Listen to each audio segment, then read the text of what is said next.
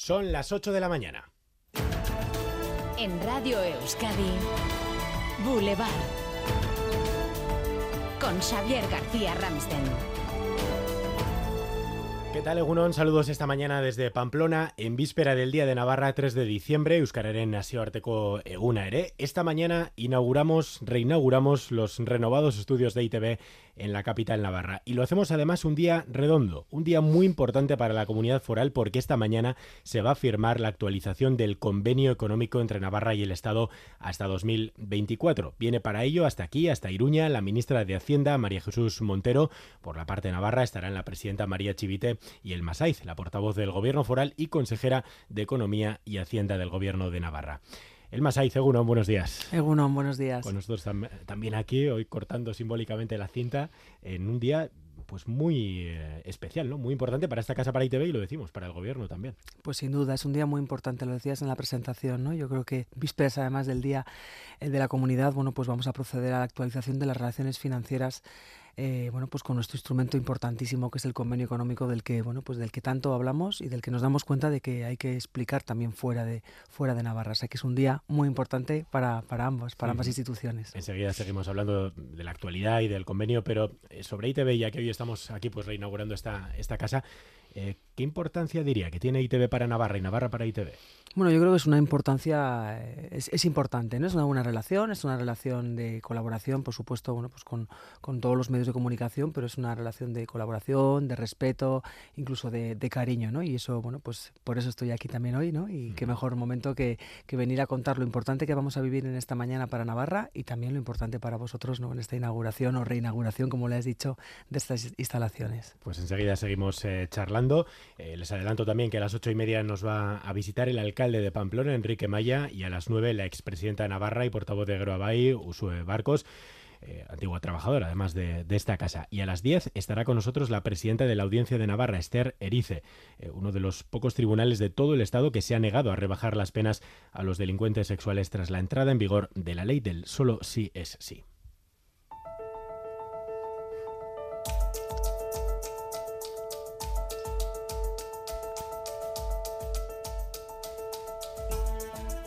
Aquí en Navarra hay quien junta los festivos de San Saturnino, San Francisco Javier de mañana y los festivos de la semana que viene y se hace lo que se conoce como el puente foral. Eh, más o menos largo para muchos, hoy empieza un importante puente, acueducto también se llama. ¿Con qué perspectivas lo hace y lo acoge el sector, Iñaki Larrañaga? Pues la verdad es que la verdad es que con pocas o muy pocas expectativas, porque esperan un puente flojo, principalmente por el calendario, porque ninguno de los festivos va a ir pegado a fin de semana. De momento las reservas se mueven entre el 35% en alojamiento alojamientos rurales de Necatur y un máximo del 60% en algunos hoteles de Donostia. Asociaciones como Destino Bilbao o Hoteles de Guipúzcoa conservan la esperanza de que las reservas de última hora maquillen estos números y atraigan a más turistas en este puente de diciembre. Enseguida vamos con el pronóstico del tiempo y la situación de las carreteras para este viernes de operación salida de puente, en el que también va a ser noticia Euskara al día, bihar Euskararen nazioarteko eguna izango da, eta gaur Euskara al día maituko da, eta gaur balantze ofiziala ezagutuko dugu.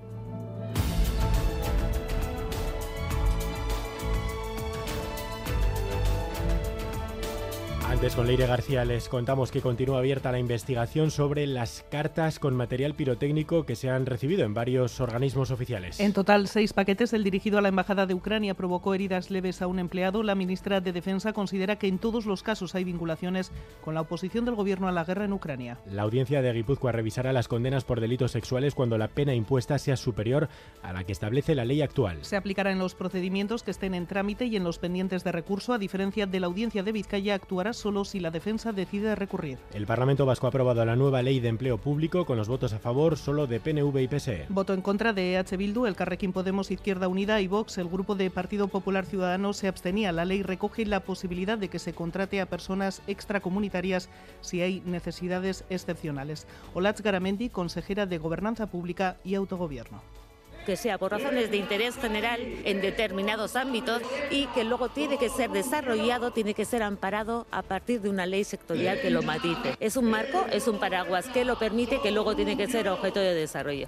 Todos los sindicatos están en contra de la ley. LAB señala que es racista recurrir a los inmigrantes solo cuando interesa.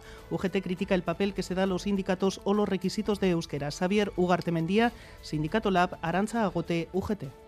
Lege hau arrazakerian oinarritua dago eta xenofobia kutsu nabariak ditu, ez? Langile atzerritarrak erabiltzeko aukera e, ireki du jaurlaritzak nahi duenerako, hori ez dela bidezkoa, eta bueno, pues, langile migratuak eskubide izan behar dutela beste guztiok de, dugu moduan e, berton e, lan egiteko. Que limita la participación de los representantes de los trabajadores y trabajadoras. Una ley que discrimina la participación de toda la ciudadanía por desconocer una de las dos lenguas oficiales. Que no establece criterios objetivos para el desarrollo profesional. Es una ley que no da solución a los problemas concretos de los empleados públicos.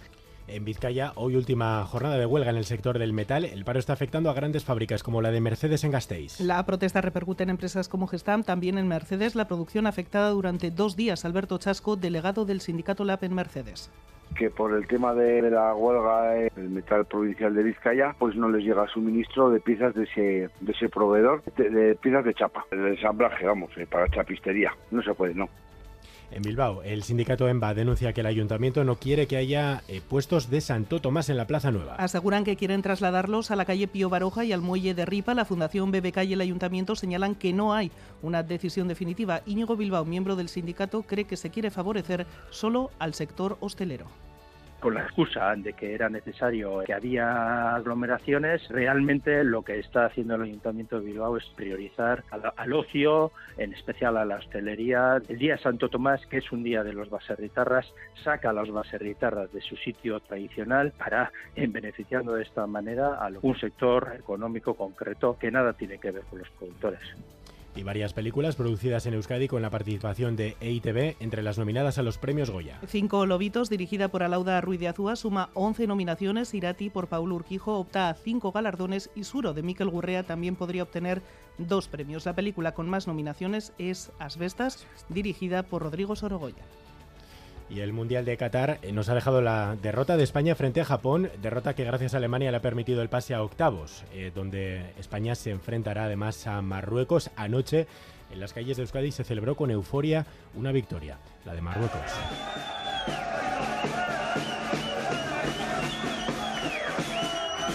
Esas celebraciones ayer en las calles de Bilbao, cosas de la globalización, efectos de la inmigración, que en las calles de Bilbao nuestros vecinos marroquíes celebraban esa victoria de Marruecos, esperan pues eh, ganar el Mundial, es lo que nos decían.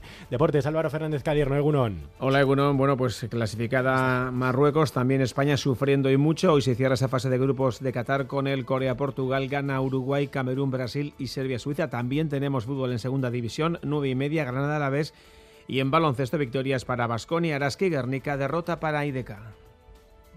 Boulevard. Lural de Bus nos ofrece la información del tiempo. Lural de Bus, a donde vayas, vamos contigo. Previsión para hoy y para el fin de semana Euskalmet, Maya Leniza Egunon.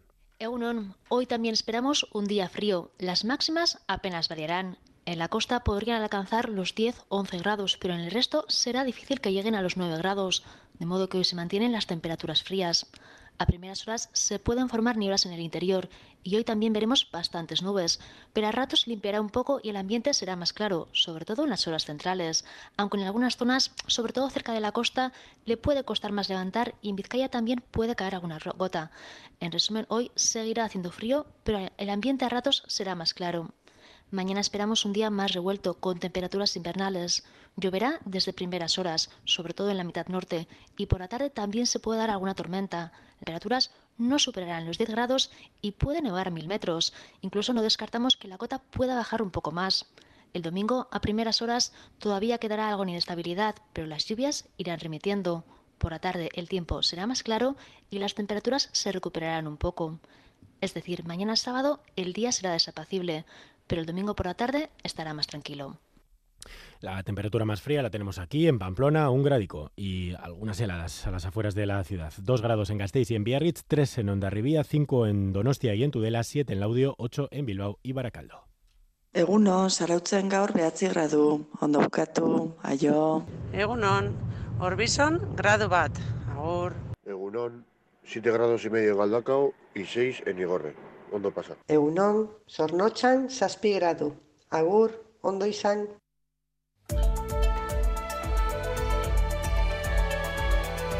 Boulevard. Tráfico.